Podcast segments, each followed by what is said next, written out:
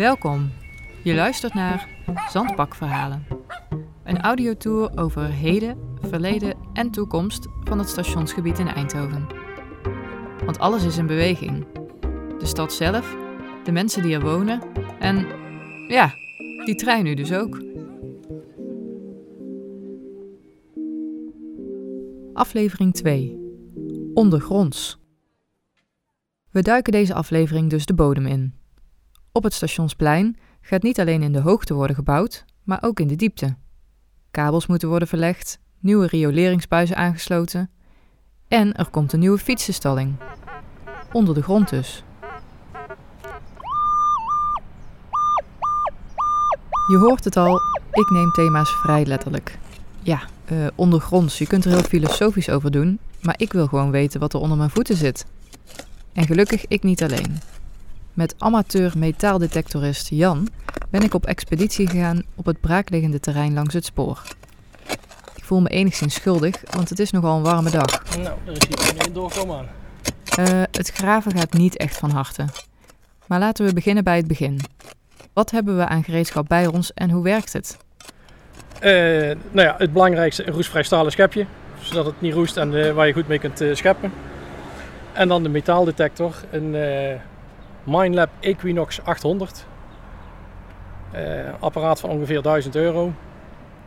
En ja, gebruiksvriendelijk en, en ja, krachtige machine. Je, zwaait heen en weer met het apparaat. Uh, die metaaldetector stuurt een magnetisch veld de grond in. En op een gegeven moment gaat hij over iets van metaal. En dat geeft een bepaalde geleiding aan dat magnetisch veld. En dan meet de detector meet de geleiding. En aan de hand daarvan hangt hij er een cijfer aan. Nou, goud glijdt heel goed, dus die geeft hij een heel hoog cijfer aan.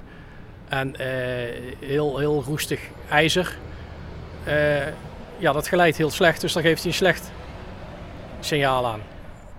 Hij geeft dus een pieptoon als je over het object gaat. Als het een langwerpig ding is, dan blijft hij langer piepen dan dat je over een muntje wat op zijn kant staat gaat. Dan gaat hij piep, piep. En anders gaat hij piep. En als hij dus, ja, daar zit een, een lengteverschil in, in toon. En dan weet je of het een wat groter ding is of wat kleiner. Terwijl Jan verder zoekt, daal ik nog wat verder af voor een diepte-interview met Sietse, unitleider van de ondergrondse fietsenstalling van het station. Je zou het hem absoluut niet geven, maar Sietse zit al sinds 1999 onder de grond. Hoe is dat eigenlijk zo gekomen? Uh, nou, ik was een school dropout. Ik was toen 18. Uh, ik heb het telefoonboek opengeslagen. True story. Uh, eerste nummer gebeld wat ik tegenkwam gevraagd of ze nog mensen zochten. Toen kon ik op zaterdag een keer langskomen. Ben ik als parttimer begonnen in de fietsstallingen rond. En nooit meer weggegaan.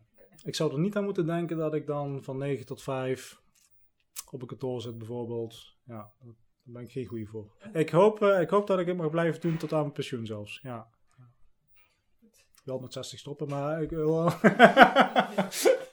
Als het aan Sietse ligt, blijft hij hier dus nog wel even. Hoe is dat dan om de hele dag onder de grond te zitten? Ik vind het hier, uh, ja, het is gewoon heel geschreven. Natuurlijk heb je wel uh, druk van de klant en zo, maar je hebt uh, verder om je heen helemaal geen, je hebt geen stadsverkeer, je hebt, je hebt helemaal niks. Ja, ik zit het liefst in mijn vrije tijd natuurlijk niet ondergronds, maar ja, zoals ik al zei, ik ben, ik, ben, ik ben het gewend. Ik vind het prima. Het is, ik, vind, ik vind het echt rustgevend, ja.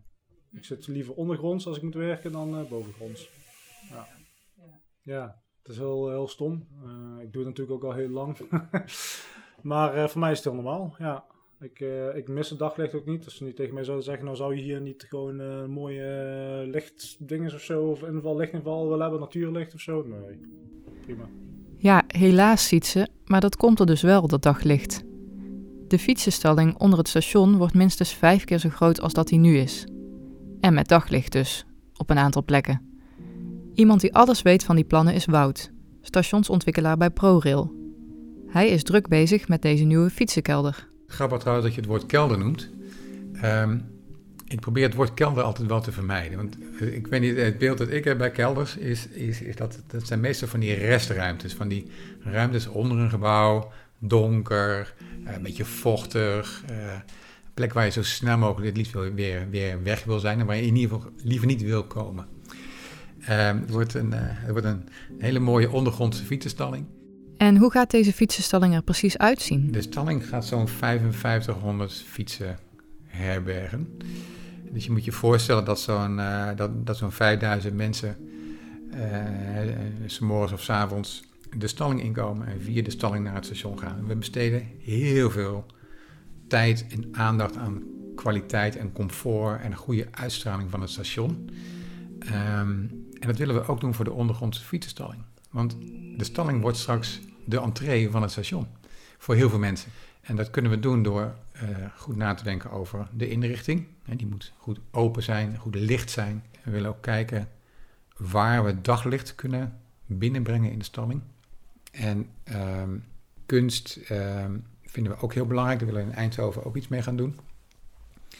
Omdat het je verblijfstijd gewoon veel prettiger maakt. Je komt een ruimte in en je, je komt echt ergens. Het is alles behalve een kelder. Het is een ruimte waar je, nou, waar je ook wel even graag wilt zijn.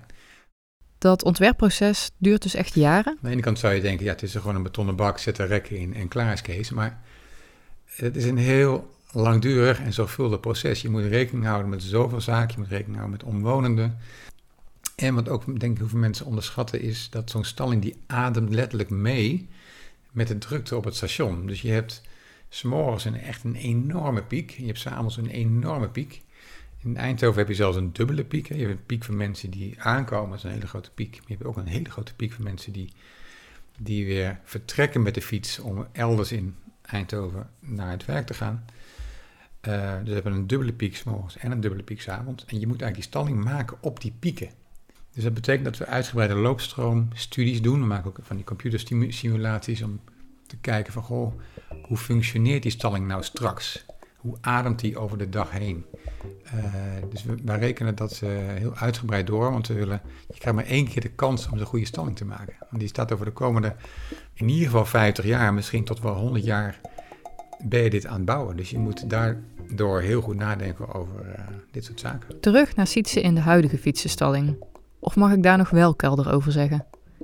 Wat zijn eigenlijk zijn verwachtingen van de nieuwe stalling? We krijgen sowieso meer, uh, meer plekken. Uh, ik denk dat ik uh, ook voor de klanten dan meer voorzieningen krijg. In verband met dan het, de, de service, de fietsservice. Ehm, sowieso krijgen we dan een betere klimaatbeheersing. met luchtfilters. En ja, jij zegt nu net zeg maar, dat er een soort van lichtinval komt, toch? Nou, dat maakt me niet zoveel uit. Het zal zeker wel mooi zijn en heel mooi, maar ja. Nee, ik denk echt wel uh, dat uh, dan krijg je het wel beter.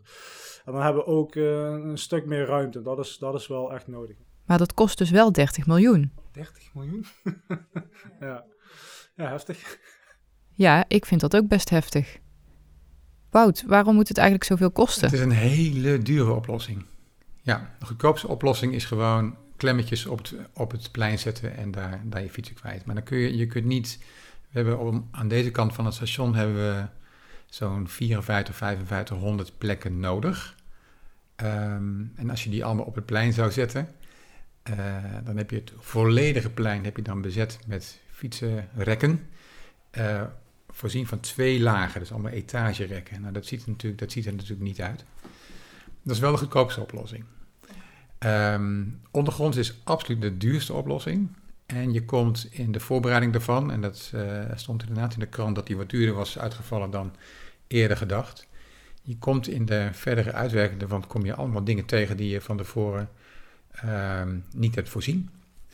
Um, dit is geen standaard ondergrondse fietsenstalling, omdat die wordt verbonden aan het station. Je kunt via, dus, via de stalling zelf, kom je straks het station binnen.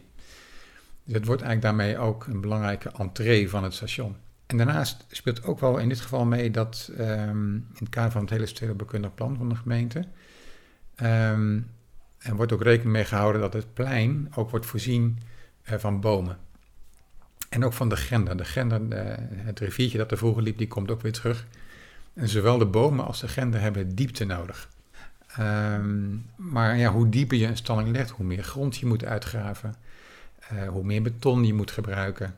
En, trappen zijn langer en dieper, dus alles wordt duurder. Het kost wat, maar dan heb je straks ook wat. En meer groen in het centrum van Eindhoven, dat wil volgens mij iedereen. Misschien heeft Jan ondertussen een archeologische vondst gedaan. Dan kunnen we de gemeentekas wat spekken. En, heb je iets gevonden? Nou, hier zou iets moeten liggen. Nou, dit is het. Een eh, massief stuk ijzer. Een wat dieper signaal. Maar je ziet al aan de steentjes. Ik ben bang dat we er niet kunnen komen, maar... Koperdraad. Dus wat eh, aluminium. Een stuk lood. En een spijker. Een stukje blik. Niet, niet van een blikje, maar kijk, soms vind je ook dingen uit de natuur, hè, gewoon in de zichtsvondst. Hè. Hier ligt dan een, eh, ja, de vleugels van een, eh, van een dode vogel. Nou, het is een aluminium plaat, maar ik eh, laat hem zitten, want hij loopt nog een heel stuk door. Ja, te groot. Te groot. Een stuk eh, koperdraad. Het is vrij dikke, dus misschien iets van bliksemafleider geweest. Weer een stukje blik. Helaas. Ook weer bouwafval. En nog een stukje roest. Koperdraad is een, eh een stuk rooster. First choice cola. Een stuk lood. Spijker. Een spijker. Een spijker. Een roestige spijker. Ja, dus die stop je dan toch in je tasje. Stop ik toch in mijn tasje. Die gaat bij het eh, thuis in de bak van het oud ijzer. En dan, eh, ik heb zo'n eh, 300 kilo oud ijzer per jaar. En levert dat nog iets Ik op? geloof 9 cent per kilo. Dus eh, nou, hou je zo'n 30 euro aan over. Nou ja, met 30 euro gaan we die stalling niet graven natuurlijk. Nog even verder zoeken dan. Ben je nieuwsgierig geworden naar de vorige aflevering van Zandbakverhalen? Voor de stationskapper, vlakbij die oranje brievenbus voor het station, vind je op de stoep een QR-code die je kunt scannen. Of je kijkt op www.zandbak-eindhoven.nl en kijkt in het menu bij Zandbakverhalen. Over een paar weken staat de zandzak op een nieuwe plek voor aflevering 3. Dan gaan we terug in de tijd en bekijken we het stationsplein van vroeger. Tot dan!